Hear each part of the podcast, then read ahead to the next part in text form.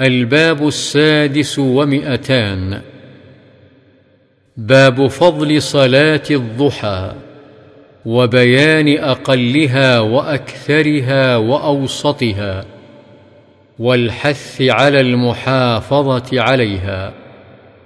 عن أبي هريرة رضي الله عنه قال أوصاني خليلي صلى الله عليه وسلم بصيام ثلاثة أيام من كل شهر وركعتي الضحى وأن أوتر قبل أن أرقد.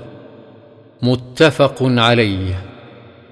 والإيتار قبل النوم إنما يستحب لمن لا يثق بالاستيقاظ آخر الليل فإن وثق فآخر الليل أفضل.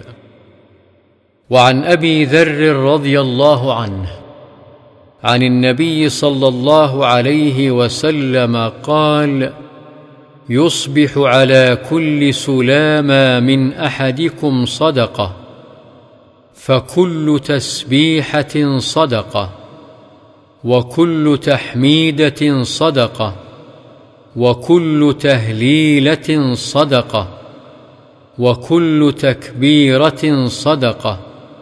وأمر بالمعروف صدقة ونهي عن المنكر صدقة ويجزئ من ذلك ركعتان يركعهما من الضحى.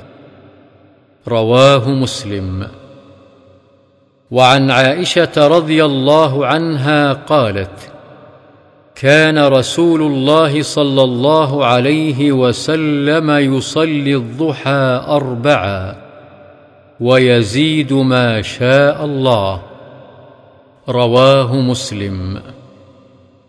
وعن أم هانئ فاختة بنت أبي طالب رضي الله عنها قالت ذهبت إلى رسول الله صلى الله عليه وسلم عام الفتح فوجدته يغتسل فلما فرغ من غسله صلى ثماني ركعات وذلك ضحى متفق عليه. وهذا مختصر لفظ إحدى روايات مسلم.